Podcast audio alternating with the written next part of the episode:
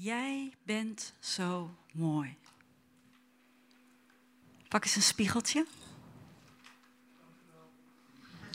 Kijk, iemand die het begrijpt. Jij bent zo mooi. Dat is de titel van uh, de preek vandaag. In het uh, dagelijks leven ben ik uh, onder andere als docent Oude Testament werkzaam bij het Evangelische College. Dat is een instituut dat volwassen mensen vanaf 21 jaar een theologieopleiding nog wil aanbieden.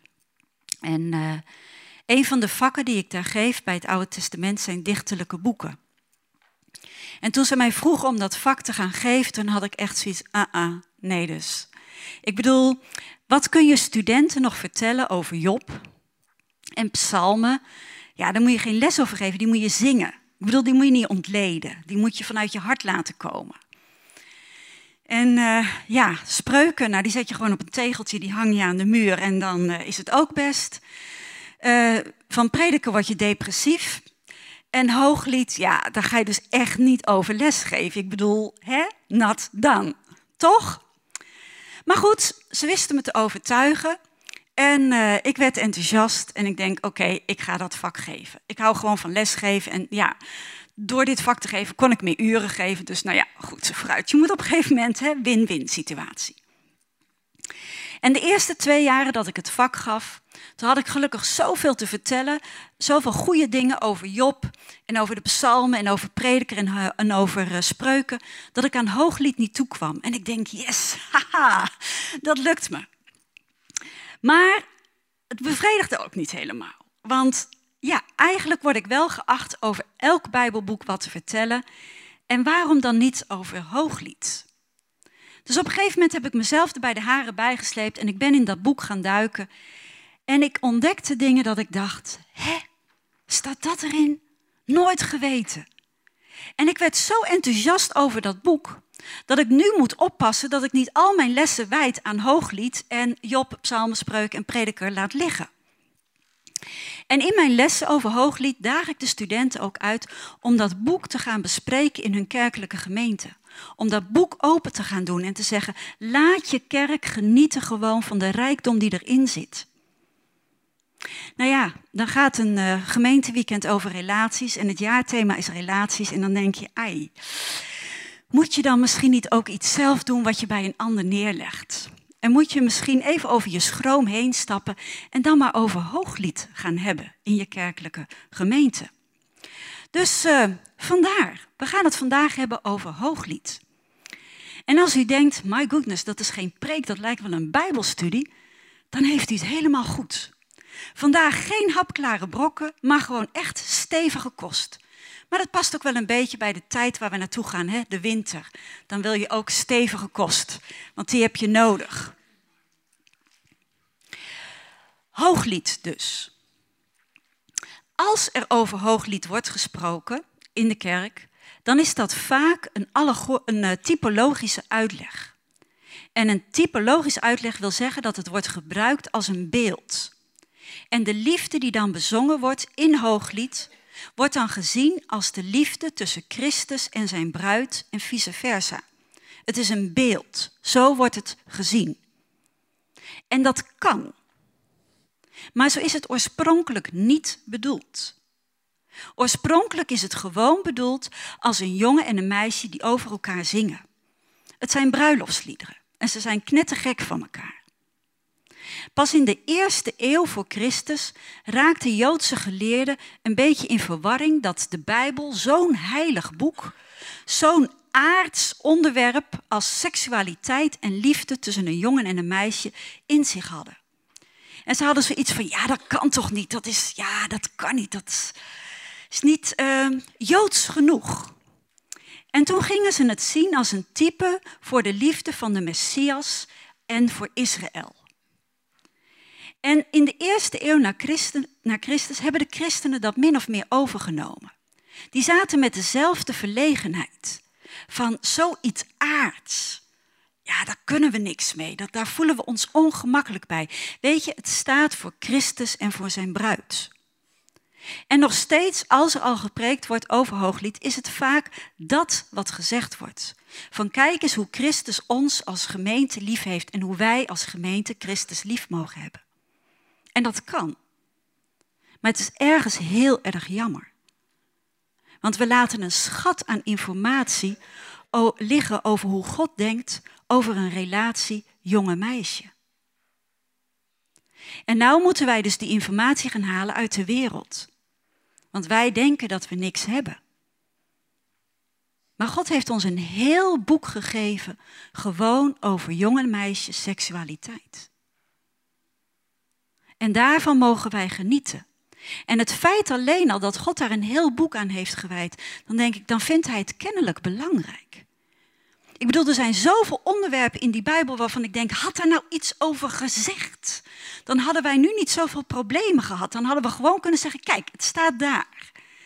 Dat doet hij niet. Maar hij wijdt wel een heel boek over gewoon seksualiteit, over jongen en een meisje. En daarmee laat hij dus zien, ik vind dat belangrijk. Ik vind het zo belangrijk dat ik het niet alleen, want dat doet hij ook, tussen de regels door iets over zeg, maar ik wijd daar een heel boek aan. Kijk, ik mag dan verlegen zijn om uh, daarover openlijk te kunnen spreken. God dus kennelijk niet. God heeft geen taboe als het gaat om seksualiteit. Hij begint niet te blozen, zoals ik waarschijnlijk straks wel ga doen. Hij wil ons daar iets over vertellen. En wat wil hij ons dan vertellen? Ik kan maar een heel klein deel uh, daarvan weergeven, want Hooglied vertelt veel meer dan dat ik in deze preek kan weergeven. Maar goed, niet begonnen hebben we nooit wat. Dus Hooglied gaat gewoon in deze preek over de liefde tussen een jongen en een meisje, tussen een man en een vrouw. En wat zegt Hooglied dan over die liefde? Nou, als eerste dat liefde en seksualiteit nauw met elkaar verbonden zijn. Als je Hooglied leest, dan kom je heel veel uh, beschrijvingspsalmliederen uh, tegen. En heel veel bewonderingsliederen. En in die beschrijvingsliederen laten de jongen en het meisje beschrijven ze elkaars lichaam en hoe mooi het is. Een stukje daarvan wil ik lezen uit Hooglied 4, vers 1 tot 5. En dit zegt de jongen tegen het meisje, de man tegen de vrouw. Je bent zo mooi, vriendin van mij. Je bent zo mooi. Je ogen zijn duiven, door je sluier heen. Je haar golft als een kudde geiten, die afdaalt van Gileads bergen. Je tanden zijn als witte schapen, klaar voor de scheerder. Komen ze twee aan twee uit het water, er ontbreekt er niet één. Als een koord van karmozijn zijn je lippen. Je mond is betoverend. Als het rood van een granaatappel fonkelt je lach door je sluier heen. Je hals is als de toren van David, die in ringen is gebouwd, die met schilden is behangen, wel met duizend schilden van helden. Je borsten zijn als kalfjes, als de tweeling van een gezelle, die tussen de lelies wijdt. Zo beschrijft de jongen het meisje. Maar het meisje kan er ook wat van hoor. In hoofdstuk 5, vers 10 tot 14. Mijn lief glanst en schittert. Hij steekt boven duizenden uit.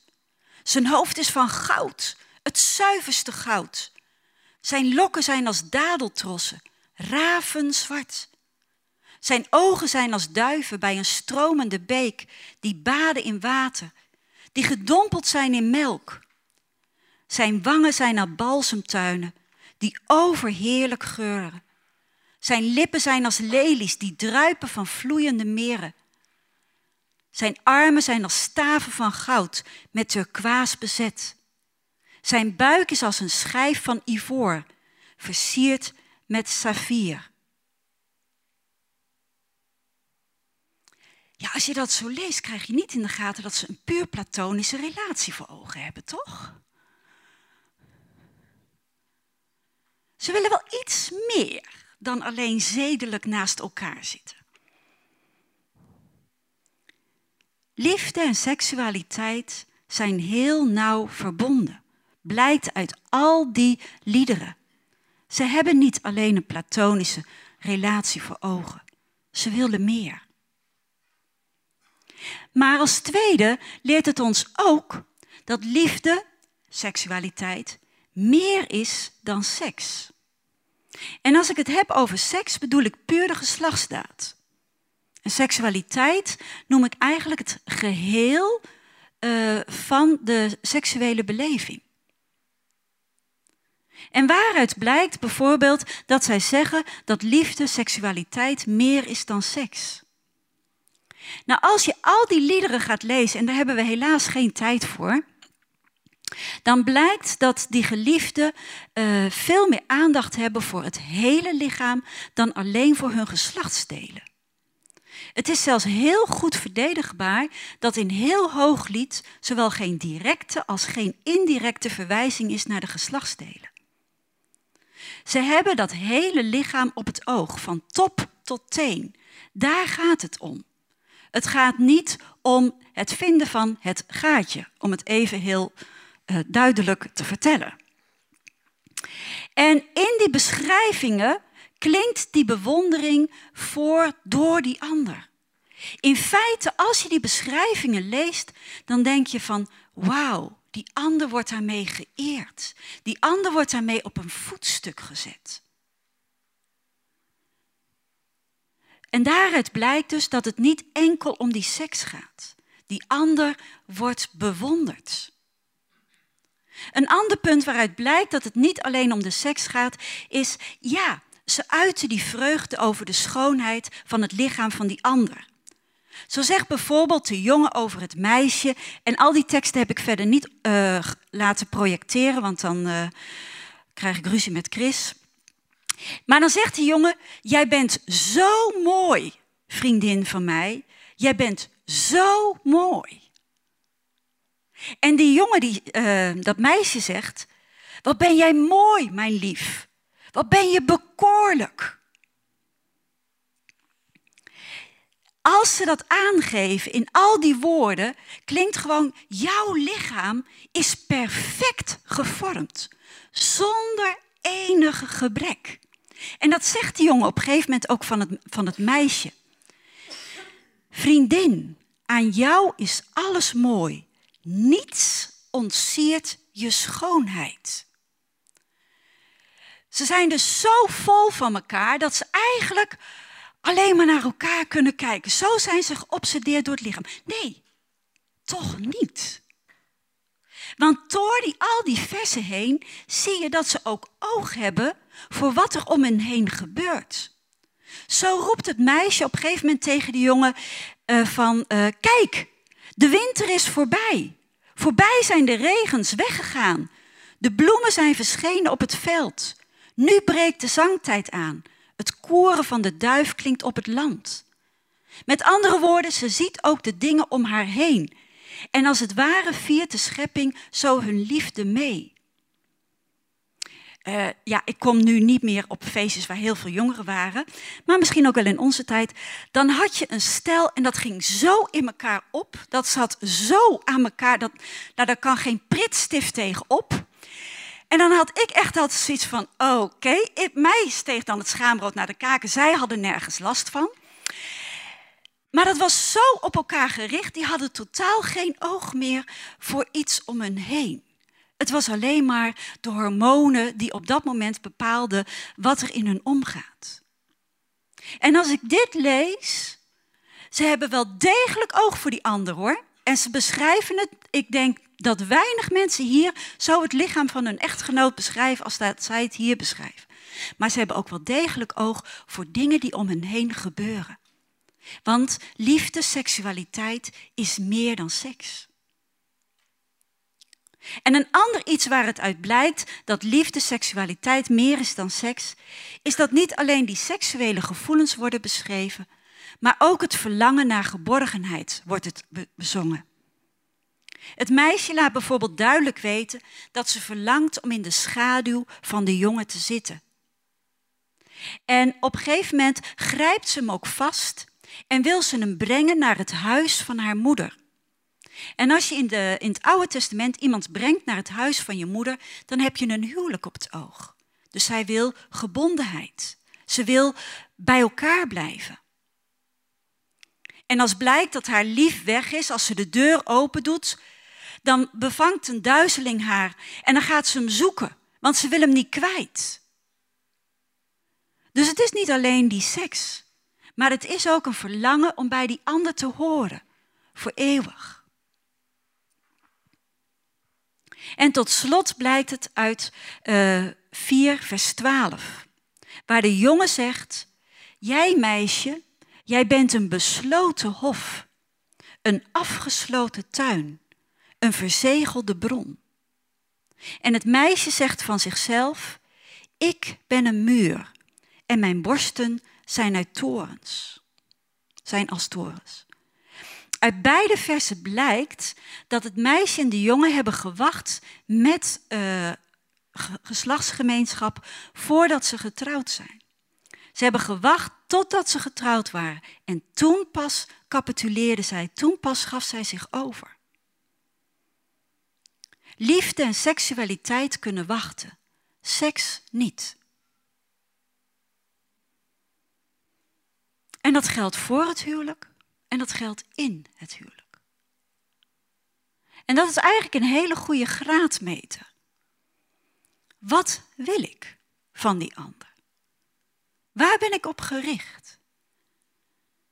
Wil ik echt puur lichamelijke bevrediging? Nou, als je niet kunt wachten, dan kun je jezelf goed afvragen of dat het is. Waarbij ik niet wil zeggen dat als een relatie groeit, dat ook dat verlangen groeit.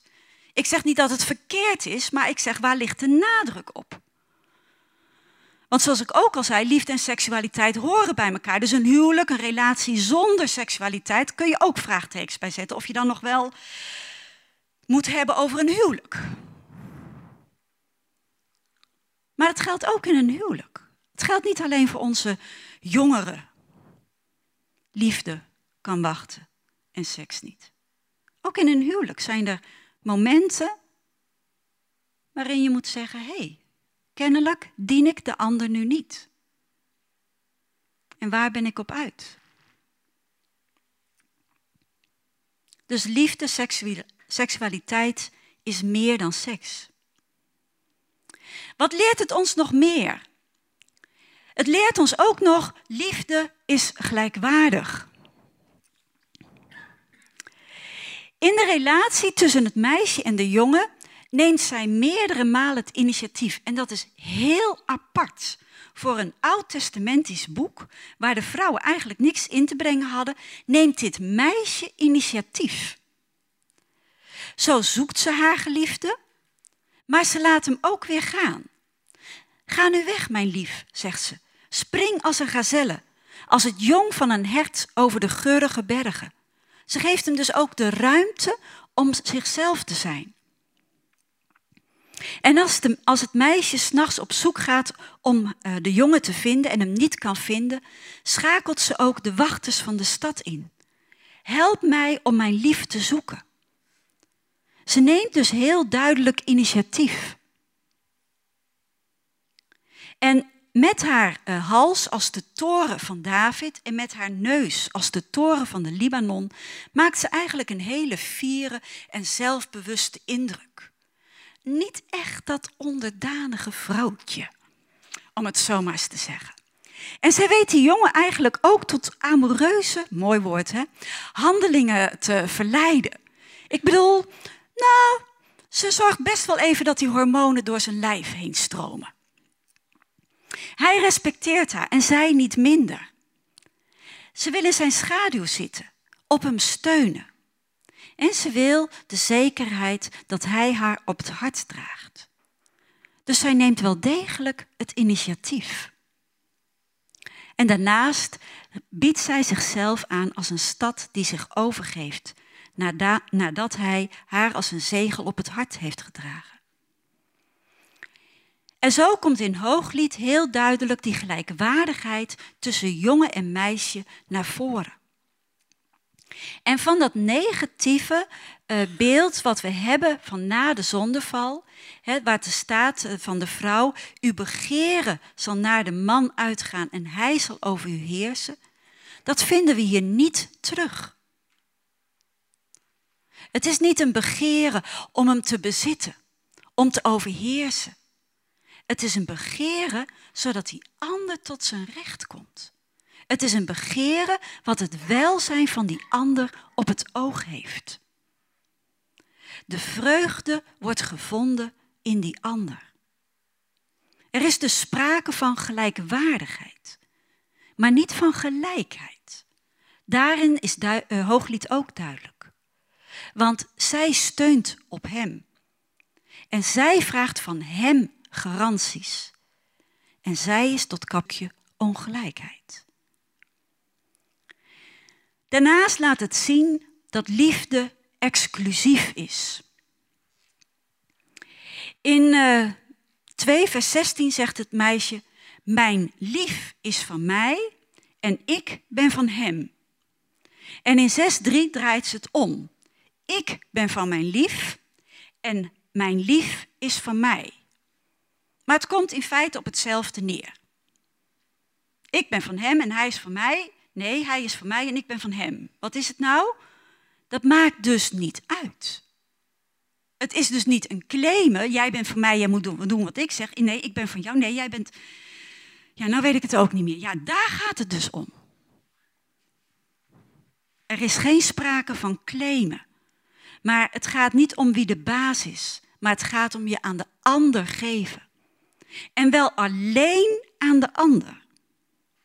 En dat lezen we heel mooi dan in zes. Ook al zijn er zestig koninginnen en wel tachtig bijvrouwen, meisjes zonder tal, zoals mijn duif is, is er maar één. Mijn allermooiste is de enige. En ook verder in dat hele hooglied blijkt, het is exclusief. Het is geen uh, polygamie. Dat is trouwens ook iets bijzonders voor het Oude Testament, maar het is er maar één. Daar geef je je aan. Verder leert het ons dat het kwetsbaar is. In 2 vers 15 zeggen zowel de jongen als het meisje dat ze de vossen moeten vangen. Want de vossen die vernielen de wijngaard. En het zijn de kleine vossen die de wijngaard vernielen. De wijngaard vol bloeiende ranken. Aan welke vossen we moeten denken wordt niet gezegd. Maar het zijn wel de kleine vossen, de kleine dingen. En ik denk dat we dat we herkennen in ons leven. Als wij grote moeilijkheden tegenkomen, dan zijn we wel alert. Dan denken we, oh jongens, opletten.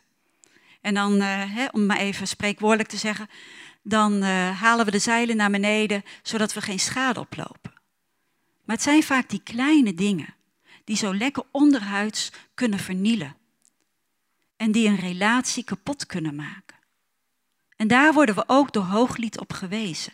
Pas op, liefde is kwetsbaar. Laat het je niet ontfrutselen. Let op de kleine vossen. En liefde vraagt om een bezegeling. In uh, eh, 8 vers 6 vraagt het meisje aan de jongen: Draag mij als een zegel op je hart, als een zegel op je arm. Dit zegel is een teken van een blijvende verbondenheid. Met andere woorden, ze zegt hier gewoon: trouw met me.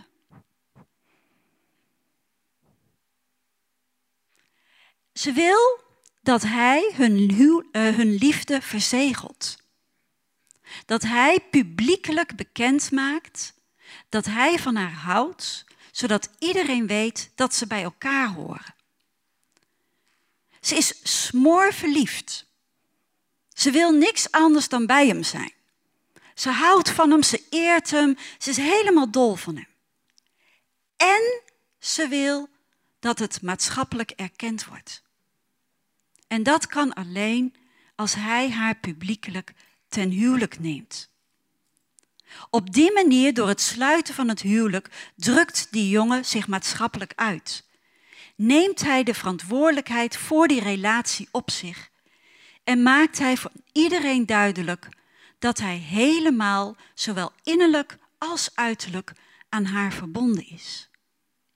En dat vraagt ze hier van hem.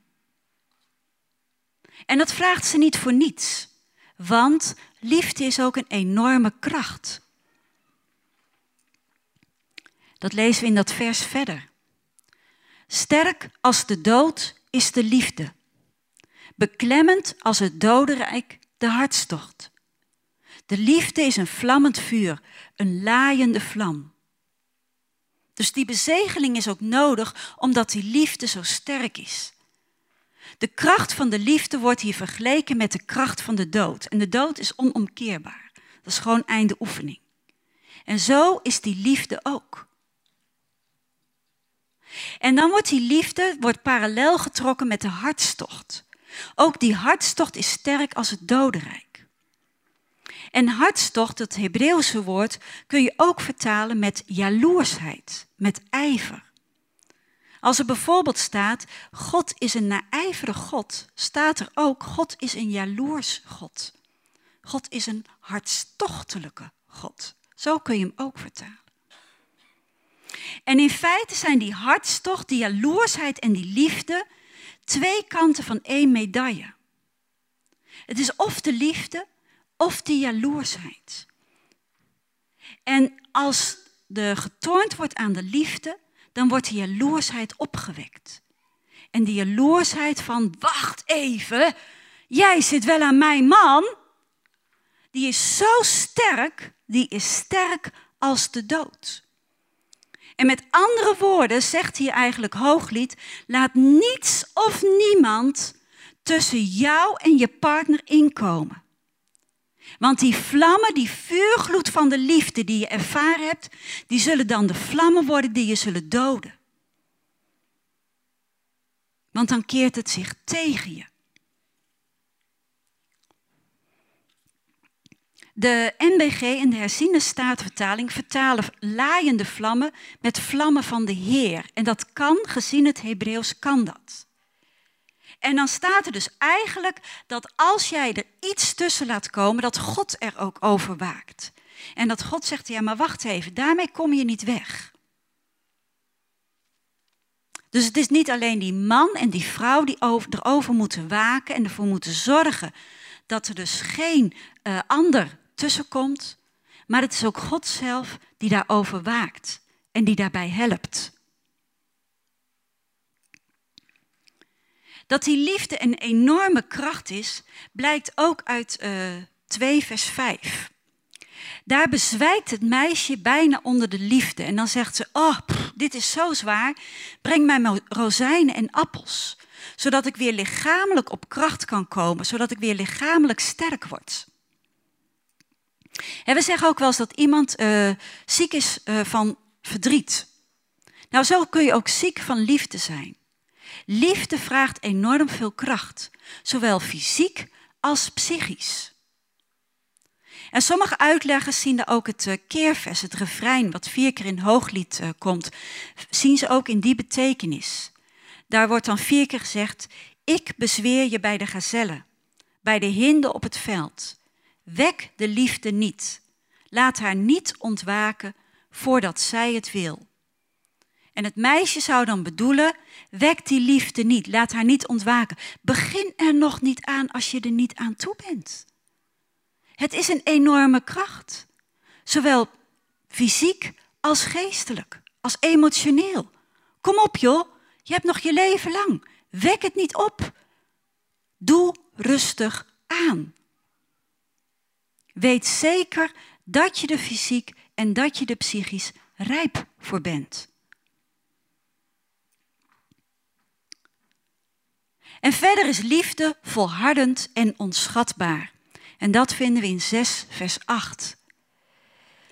Zeeën kunnen haar niet doven, rivieren spoelen haar niet weg. Zou een man met al zijn rijkdom liefde willen kopen, dan werd hij smadelijk veracht. Uit de Hebreeuwse tekst is niet helemaal duidelijk uh, hoe je die laatste zin moet lezen.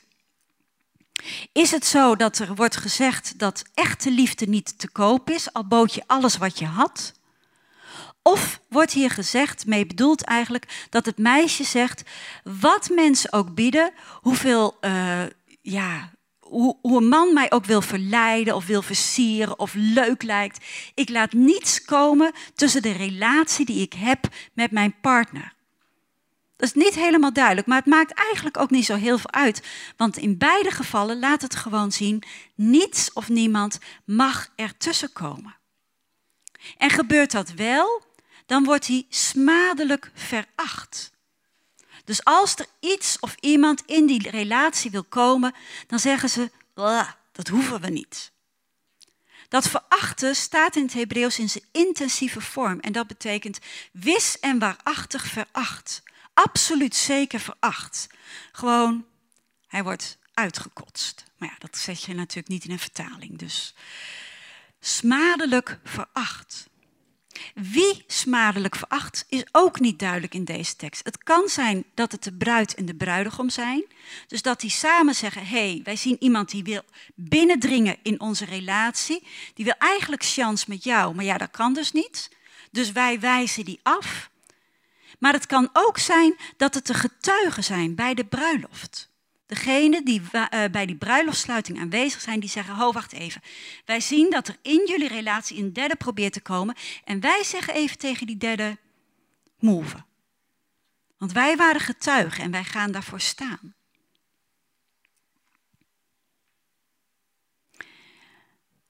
Samenvattend. Dit is slechts een minutieus idee wat we uit Hooglied over liefde kunnen halen. Maar goed, het is ook een preek, à la Bijbelstudie. Naar aanleiding van het Griekse denken hebben wij eigenlijk onderscheid gemaakt in drie liefdes. Agape, de goddelijke liefde. Philia, de broederlijke liefde of zusterlijke liefde. En eros, de erotische liefde om het zomaar eens even te zeggen. De seksuele liefde. En bij ons is agape eigenlijk toch wel de meest verheven vorm van liefde. Ik bedoel, daar streven we naar, die willen we hebben. Uh, dan ja, komen we waarlijk tot onze, ja, wie we behoren te zijn. En met eros weten we niet zoveel raad. Ik bedoel, ja, dat is toch wel heel aards eigenlijk. Misschien zit er ook wel niks goddelijks in, denken we. Ik weet het niet, maar eros, ja, nou, het is natuurlijk geen vies woord, maar het is iets waar je niet over praat, het is iets wat je doet dan maar. Maar oké, want het zit wel in ons. Maar dat hele gedeelde uh, denken over die drie liefdes, dat kent het Oude Testament niet. Het Oude Testament kent maar één woord over liefde. En met die liefde, dat Hebreeuwse woord, wordt zowel de liefde van God tot ons als van ons tot God aangeduid, de broederlijke liefde en de eros. En dat zien we dus ook in Hooglied terug. Daar in Hooglied is de akape heel nauw verbonden met de eros en de eros met de akape. Hooglied laat zien eigenlijk dat de grens tussen eros, de begerende liefde, en agape, maar heel erg klein is. Daar is niet een groot verschil. Zij liggen nauw naast elkaar. Zonder eros, laat ze zien, is er geen hartstochtelijke, kleurrijke agape. En zonder agape is er geen fantastische eros, maar is er lust. En zo laat Hooglied zien dat die twee nauw met elkaar verbonden zijn. Echte liefde is erotische akape en is akaperende eros. Verder laat het heeft het ons laten zien dat die liefde een geschenk is van God.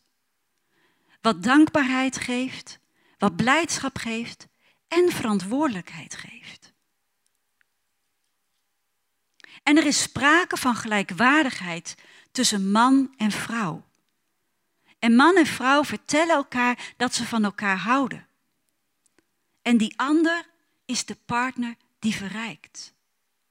De een is er voor de ander en de ander is van de een. En zo geeft Hooglied, kan Hooglied een hele dimensie geven aan ons huwelijksleven. Probeer het eens. Pak het boek eens en lees naar elkaar de hij- en de zijstukken. En wat nou voor degenen die niet getrouwd zijn? Hebben ze er nou niks aan? Ja, ik denk heel veel. Ga niet voor minder dan dat hooglied jou biedt. Doe het voor niks minder. Als een relatie, als in een relatie, liefde en seksualiteit niet nauw verbonden zijn. Als het meer gaat om de seks dan om de liefde en de seksualiteit. Als je merkt dat er geen gelijkwaardigheid, geen exclusiviteit is, als er niet een stukje bezegeling, volharding is, joh, gooi jezelf niet te grabbel. Je bent gewoon veel meer waard. En dat is lastig. Dat kan ik makkelijk zeggen als getrouwde vrouw. Ja, want ik ben binnen. Nou ja, ik weet niet hoor of, dat, of je dat zo mag zeggen. En dan denk ik dat we als gemeente ook die uitdaging hebben om deze mensen die daarmee worstelen, om hen te bevestigen. Wat ben jij mooi. En ga voor geen goud voor minder.